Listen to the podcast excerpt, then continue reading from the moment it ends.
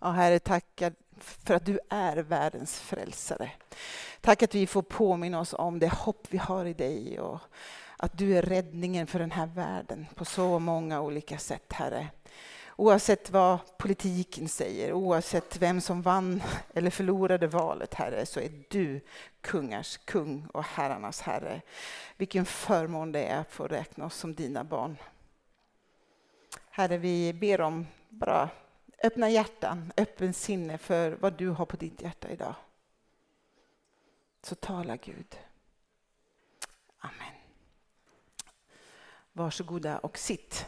Vi ska få tillbe mer tillsammans sen. Vi är inne i en serie som vi, het, som vi har valt att kalla för På väg med frälsningen som mål. Och så har vi två liksom så här introduktionsgångar. Och det här spelar inte så roll, men ni ser med olika saker som kan ta olika riktningar i livet på olika sätt. Idag så har husets, Hoppets hus hamnat lite på snä. Ehm, men eh, den kanske är på väg att flytta, precis som vi är, vad vet jag. Uh. Ehm, jag ska börja med ett bibelord idag, ehm, bara för att ni ska förstå att Gud kan tala genom drömmar och gör så ibland. På ett sätt talar Gud, ja på två sätt den osynlige i en dröm, en syn om natten där människor sover sin djupaste sömn. När de slumrar på bädden, då får han människor att lyssna.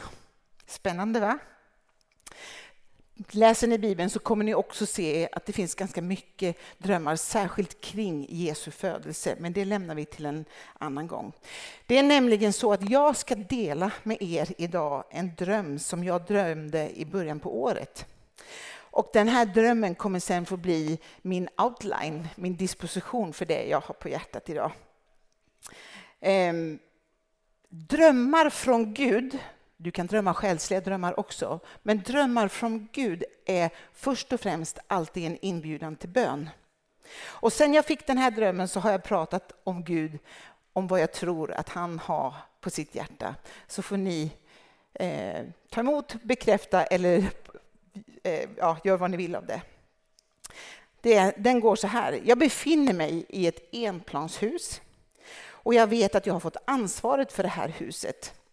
Huset är byggt i gult tegel, får jag veta. Det är ganska enkelt. Runt huset finns ett högt plank.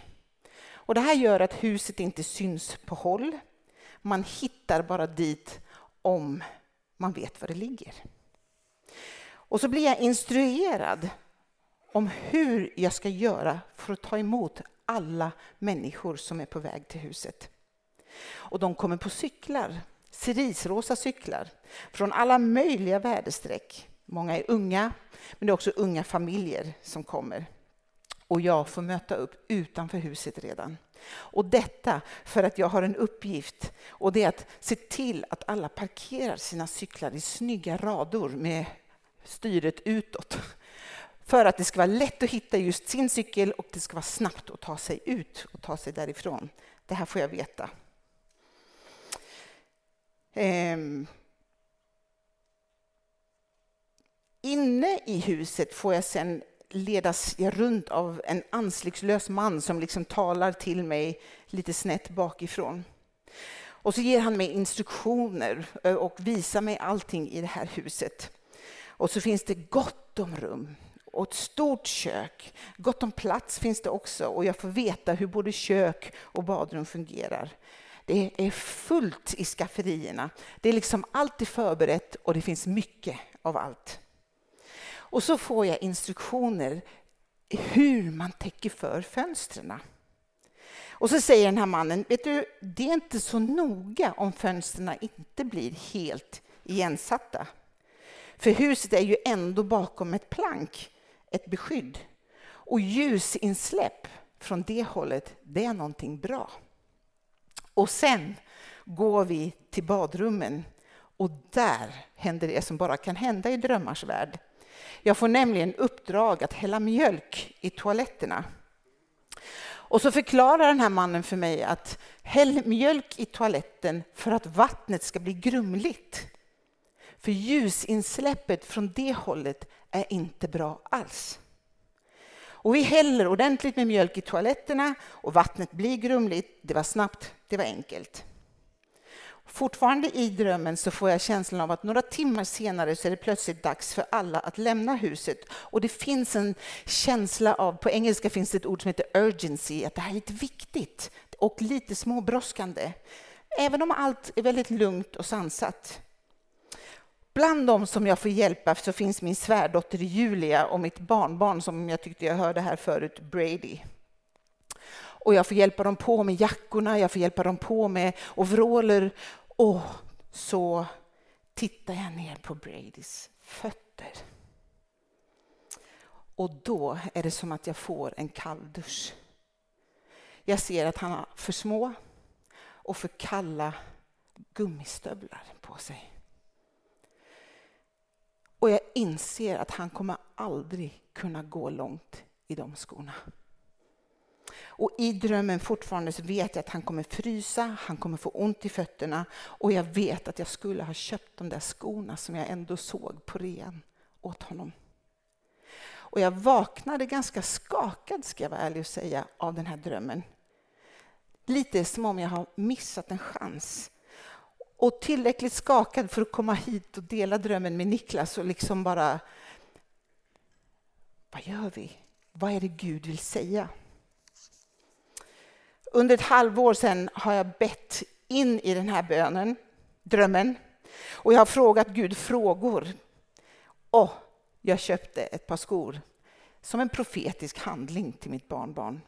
För att visa mig själv och för att visa Gud att Gud, när du säger någonting så vill jag ta det på allvar. Drömmar från Gud, som jag sa, är alltid en inbjudan till bön. Och för mig så har drömmar blivit ett bönespråk. Jag talar till exempel inte i tungor. Det kanske är en nyhet för några av er, men så är det. Jag har inte fått den gåvan. Jag är del av gåvan, för jag vet att många av er har den. Så den välsignar mig ändå. Men jag har fått drömmar till mig. Och i och genom drömmar så får jag då ingå i en konversation med Gud över tid. Och då, vad kan det här betyda? Det ska vi gå igenom tillsammans. Nu ber vi Gud om din vishet, din urskiljning, din ledning och vi ber också om din kraft. Man behöver inte vara särskilt profetisk för att se och förstå att vi fortfarande lever i en postpandemisk tid. I återuppöppnandet av kyrkor och församlingar så tror jag att vi kommer just från många olika håll med många olika erfarenheter. Jag vet att några är helt slut efter att ha jobbat till exempel inom sjukvården, hemtjänsten, inom skolan och så vidare. Medan andra har kunnat ha det ganska soft. Man har kunnat sitta hemma i pyjamasbyxor och jobba i två år utan att, liksom att det har tärt särskilt mycket. Några kommer alltså tillbaka och är helt övertaggade. Kim, kom igen, nu ska vi köra igång igen.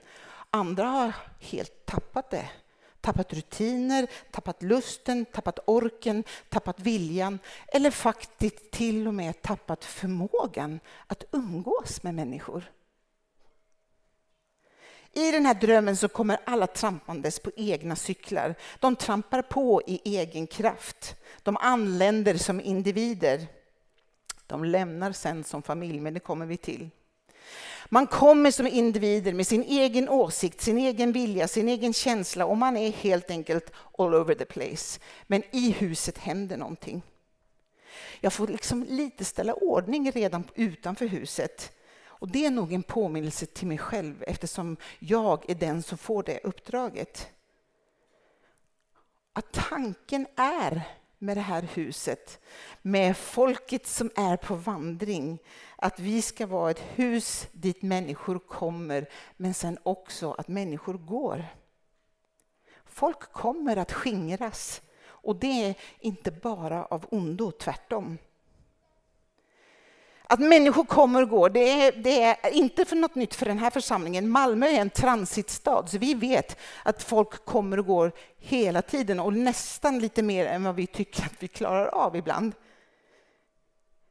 Men när vi läser Bibeln så ser vi att det är Guds tanke och ofta hans strategi. Ibland är människor med på noterna.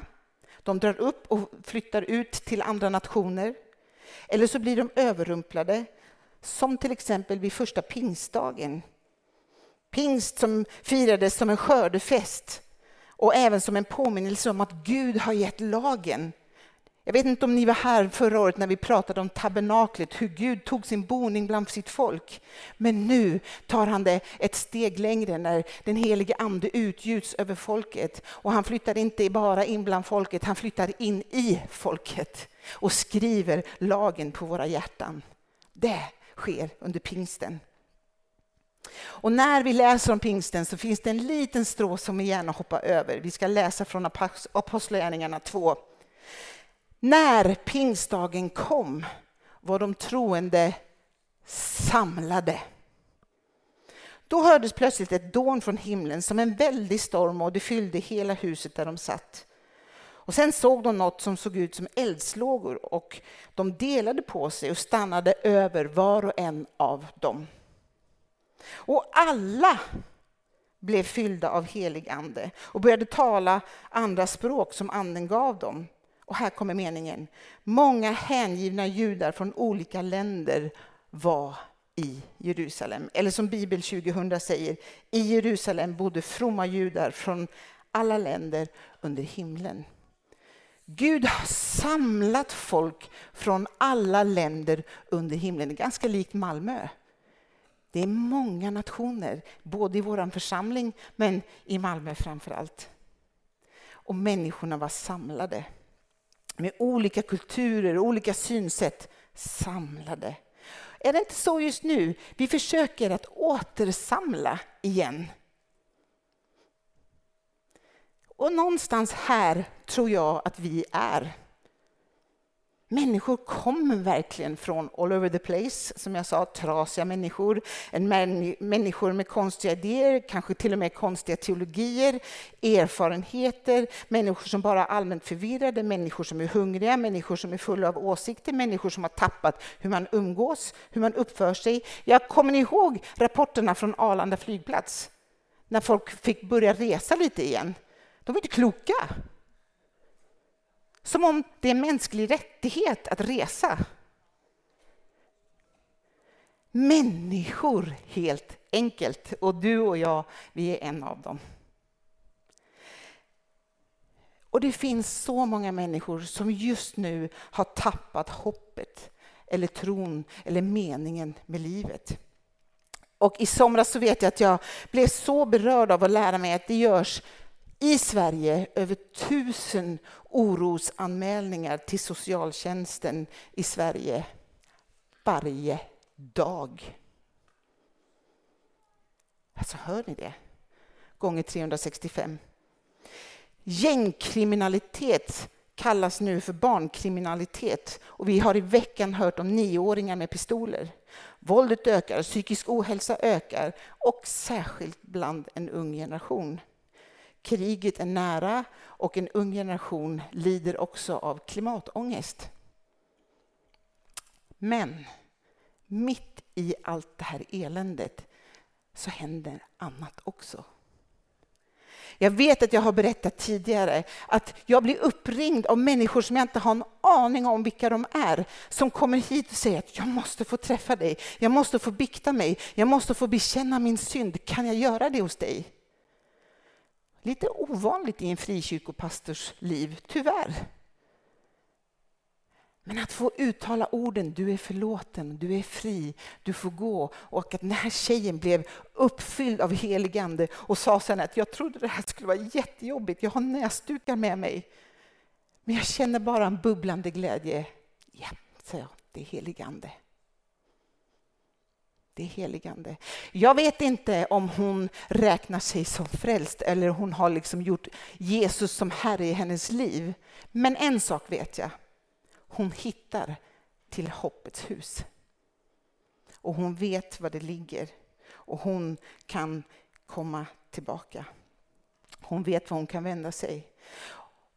Och just nu så upplever jag faktiskt att människor ringer. Jag behöver, kan du bara be för mig här i telefonen? Kan du hjälpa mig förstå att jag har drömt någonting? Vi har en alfakurs som stött, började i torsdags med 27 personer. Så när vi ser det som Gud gör och liksom vänder blicken till det han gör så ser vi fantastiska saker. I min dröm så vet jag också att huset heter just Hoppets hus. Och här samlas människor för att få näring, för att bli förlåtna, frigivna, fyllda av ande och fyllda av kraft. Man får del av det goda ljusinsläppet. Man får upplysning, man blir utrustad, man får näring, men man får också vila. Det är ett både och. Och så ser jag en sån tydlig likhet med övre salen, eller kanske till och med som kyrkan som den är tänkt att vara. Övre salen som Bibeln beskriver som en plats att återvända till. Ständigt återvända till. Om lärjungarna står det beskrivet att efter Jesu död så återvänder man till övre salen. De har blivit en man mindre. Petrus ser till att de blir fulltaliga igen. Han samlar gänget. Den tomma platsen ersatts och sen kan pingsten komma. Läs Apostlagärningarna 1. Då återvände de till Jerusalem från det berg som kallas Olivgårdsberget och som bara ligger en sabbatsväg från staden. Och när de kom dit gick de upp till det rum i övervåningen där de höll till.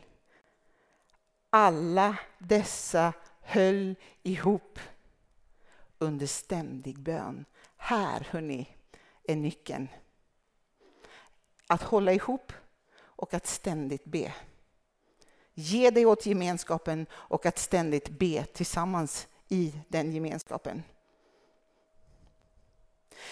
Det gör att vi kalibreras. Det gör att vi, inte jag, lever värdigt vår kallelse i ödmjukhet, mildhet, med fördrag med varandra, i tålamod och kärlek. Och inget av det kommer av sig självt. Vi behöver varandra för att kunna växa i tålamod, kärlek och allt det här andra. Bönen och tillbedjan är också platsen för näringen, återhämtningen, för rustningen, men också att utrustningen för att kunna gå vidare till. Och jag tror att den också har att göra med ljusinsläppet från det hållet.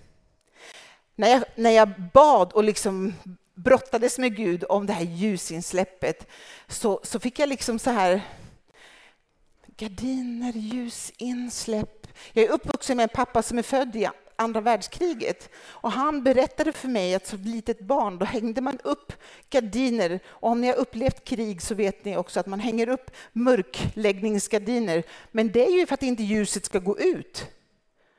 Här var det faktiskt tvärtom. Ljuset från det hållet var något bra. Och lite så här, de här gardinerna vi har här, de är jättebra när vi ska liksom ha bra ljus och film och kanske lite myspys. Men när vi öppnar upp den helt, då plötsligt ser vi hur dammigt det är på golvet. Men jag tror att det är precis det Gud vill. Han vill att du och jag ska våga öppna ljusinsläppet helt. Och jag tror att han säger, varför lever ni i skumbelysning? Varför lever ni i en sån konstig myspys, skugg, liksom, oj, det finns så mycket kvar. Ett av Guds namn är världens ljus. I Efesierbrevet så står det så här. Jag ber att vår Herre Jesu Kristi Gud, härlighetens fader, ska ge er vishetens och uppenbarelsens ande som låter er få kunskap om honom. Må han ge ert inre öga ljus så att ni kan se vilket hopp han har kallat oss till. Vilket rikt och härligt liv han ger bland de heliga och hur väldig hans styrka är för oss som tror. Det är samma oerhörda kraft som han lät verka i Kristus när han uppväckte honom från de döda. Så när du och jag återvänder till Hoppets hus, till övre salen, till smågruppen, till gudstjänsten eller vad det nu är där som det är din plats att återvända till, så är det för att du ska uppfyllas av helig ande och ditt öga ska få ett hoppets ljus i en hopplös värld. Du ska bli rustad, du ska bli påmind om vilket hopp du är kallad till uppståndelsekraften, den är på riktigt hörni. Vi ska få kunskap om den, men vi ska också få erfarenheter av den. Det är ett både och. När vi dröjer med att återvända, som två år i en pandemi, så är det väldigt lätt att glömma. Och I min bön och mitt samtal med Gud så har jag kommit igen till insikten om att ibland så är vi lite för mycket lagom, folket. Vi litar inte på beskyddet som finns utanför huset. Och vi är ju också kända i Sverige för både hängsle och livrem och trygghetsnarkomanernas land och allt vad det heter. Men tänk om vi skulle våga öppna upp skynket så att rummet badar i ljus. Ja, du kanske blir bländad en stund. Och du kanske ser att det finns smuts i ditt liv, men du och jag vet vad vi kan gå med det. Och jag pekar på korset. Du och jag har faktiskt inte rätt att hålla oss i en skumbelysning. Varför? För att hela skapelsen väntar med spänning på att få se Guds barn uppenbaras. Hela Malmö väntar på att du och jag ska uppenbara, vi ska bära det ljuset, bära det hoppet, bära den bländande uppståndelsekraften till en stad som så väl behöver den. Det här är min livsvers just nu. Hela skapelsen väntar med spänning på att få se Guds barn uppenbaras. Sen får jag gå och hälla mjölk i toaletterna. Ehm, toaletten, där går man ju när man behöver bli av med saker. Man behöver lämna ifrån sig det som är orent. Att låta det gå. Glöm det som förut var, uppmanar Bibeln oss låta det som är förlåtet också vara glömt. Att låta ljuset från det hållet grumlas så att inte det kan påverka dig något mer.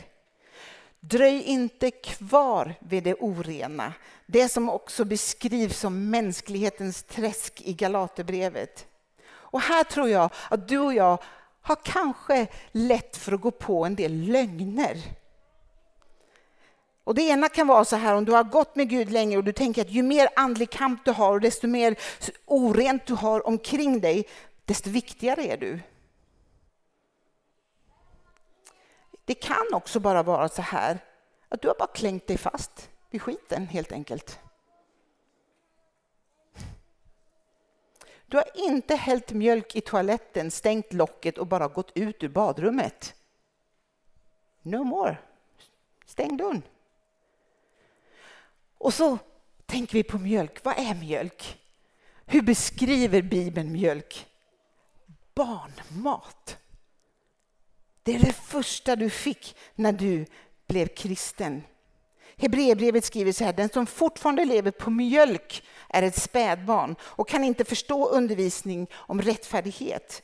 Den fasta födan däremot är för vuxna, bla bla bla bla bla. Men mjölk, även barn klarar av att hälla mjölk i toaletten, stänga locket och gå därifrån. Även den som är ny i tron du behöver inte vara teolog, du behöver inte ha vandrat med Jesus i hur många år som helst. Du behöver inte ha ätit en andlig superdiet. Det är mjölk. Det är det första som handlar om Ehm, de första principerna av det vi ska gå igenom här nu. Av omvändelse, tro, att döpas och bli fylld av helig ande. That's it. Det är det som räcker. Och att grumla vattnet, det var inte någon svår andlig övning, utan det var enkelt i min dröm. Det är dags kanske för några av oss att lämna badrummet och låta det som har varit vara bakom. För det är inte tänkt att du och jag ska leva liv utifrån badrummet och ännu mindre från toaletten.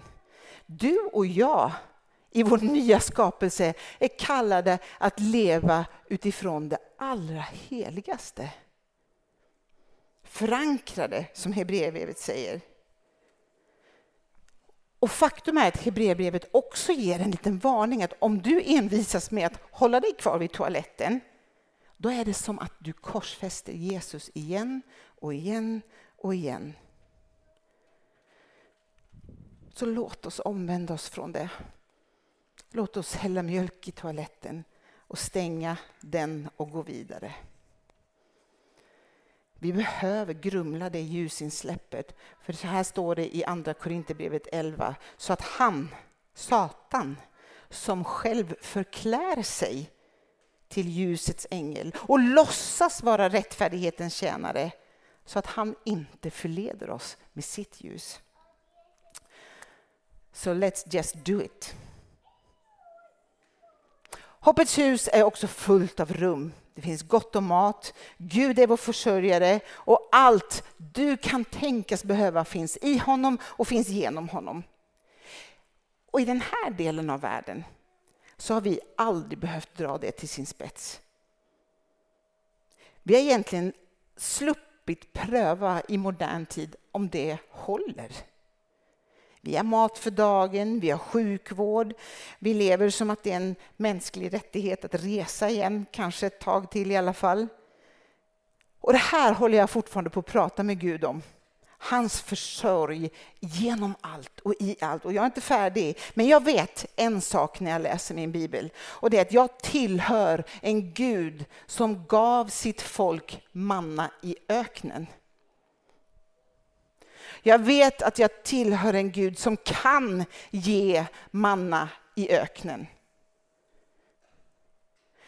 Jag vet att han kanske behöver göra det igen. Han kanske kommer att behöva göra det igen. Och att vi får leva i ett beroende till honom måltid till måltid, precis som då. Till slut så kommer då tidpunkten där det är dags att lämna det här huset. Och när folket lämnar då så finns det en slags, kom igen det är bråttom och det är lite brådskande och det är nästan lite så här som att folk går under täckmantel, lite undercover sådär. Lugnt och sansat men ändå med stundens allvar. Och det sker liksom i tidiga morgontimmar medan tid ännu finns. Och som jag sa så fick ju cyklarna ställas i ordning för att de skulle vara lätta att ta. Snabbt och smidigt. Men när det är dags att gå så används de inte. Så ingen lämnar huset i egen kraft. Man lämnar huset i grupper, i små konstellationer. Alla kommer som individer, men man lämnar som familj. Det är vad församling gör med oss. Jesus sände ut folk två och två. Aldrig ensam. Vi behöver tillhöra ett folk, ett hoppets folk med ett hoppets hem, ett vandrarhem som håller på att trilla ner som sagt. Du och jag klarar inte kristenlivet själv. Jag får alltså skicka iväg min svärdotter Julia och jag får skicka iväg mitt barnbarn Brady. Och bara för att så här, drömmar är drömmar och allt vad det här. Men Julia, hennes namn betyder den ungdomliga. Och Brady betyder den andefyllde. De har varit i huset. Och jag får lov som sagt att hjälpa dem med utrustningen. Och så kommer jag då till det här som oh, gör så ont i mig, det är fötterna den här långa vandringen som jag bara vet att de har framför sig. Jag skulle ha sett till att han hade på fötterna. Jag skulle ha sett till att han var rustad för den långa vandringen som jag vet att de har framför sig. Vi behöver se till att den unga generationen har på fötterna. Vi behöver vara en plats där den som är ung i tron får på fötterna. Att de är rustade, blir beredda och blir villiga. Precis som Guds folk, som alla andra folk, så kommer vi att gå igenom höjder och dalar och det kommer Niklas att prata mer om i den kommande serien. Och därför behöver vi rusta oss. Det innebär att vi behöver få tag i både varför, apologetik som det heter så fint, men också huret. Att vara förankrad i ordet, att barn får biblar men också att de läser dem så att vi kan återvända till Jerusalem, att veta hur vi fylls med insikt om hoppet och ständigt fyllas av hopp, att helig ande och få vara fylld av kraft men också komma i funktion. Vi brukar prata mycket om missionsbefallningen Matteus 28. Då gick Jesus fram till dem och sa, jag har fått all makt i himlen och på jorden. Gå därför ut Ta på dig skorna och gå ut och gör alla folk till lärjungar. Döp dem i Faderns, Sonens och den helige Andes namn. Lär dem, här kommer det, att följa allt som jag har befallt er och jag ska vara med er till tidsålderns slut. Vi har ett uppdrag hörni. Han är den som säger jag har fått all makt. Vi har fått ett uppdrag därför att hålla alfakurser, bjuda in till smågrupper med mera, med mera, hur du nu än gör. Och min bön det sista halvåret har blivit att vi ska få vara just den platsen. Att vi ska vara dit människor återvänder till, blir rustade för att sen klara av vandringen framåt. Både unga och äldre får liksom komma på fötterna igen. Så att vi klarar vandringen som vi har framför oss.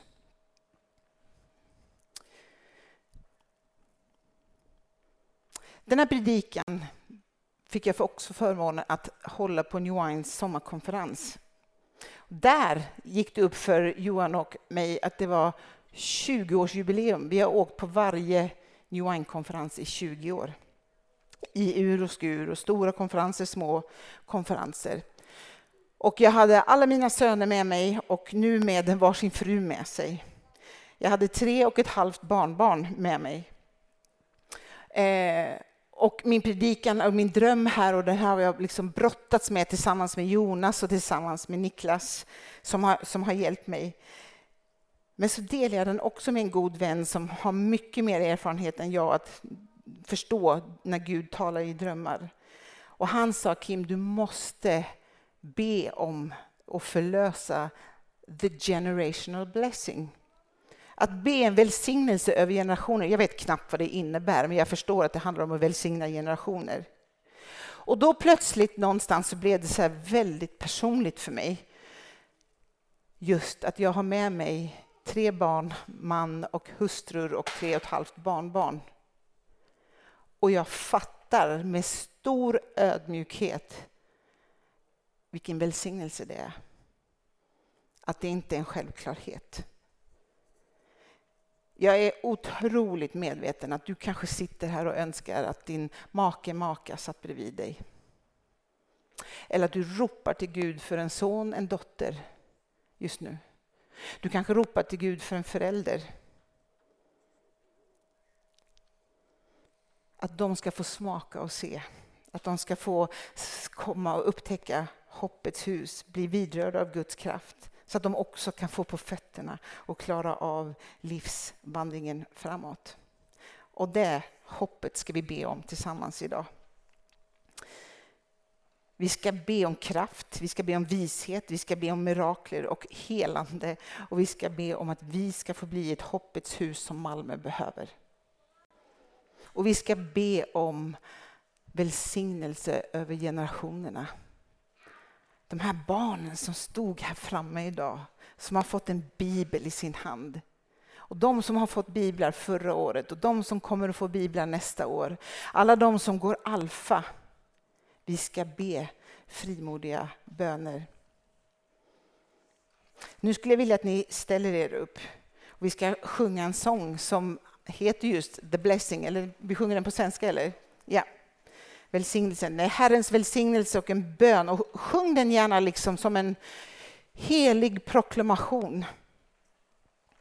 Men innan vi det så vill jag bara läsa från, eh, be ut en bibeltext. Därför faller jag ner inför Fadern, han från vilken allt vad far heter i himlen och på jorden får sitt namn. Jag ber att han som är så rik på härlighet ska ge er kraft och inre styrka genom sin ande. Så att Kristus genom tron ska bo i era hjärtan. Och att ni ska hålla er fast rotade i kärleken. Då ska ni tillsammans med alla de heliga förstå bredden, längden, höjden och djupet och lära känna hans kärlek som är långt mer än någon någonsin kan förstå.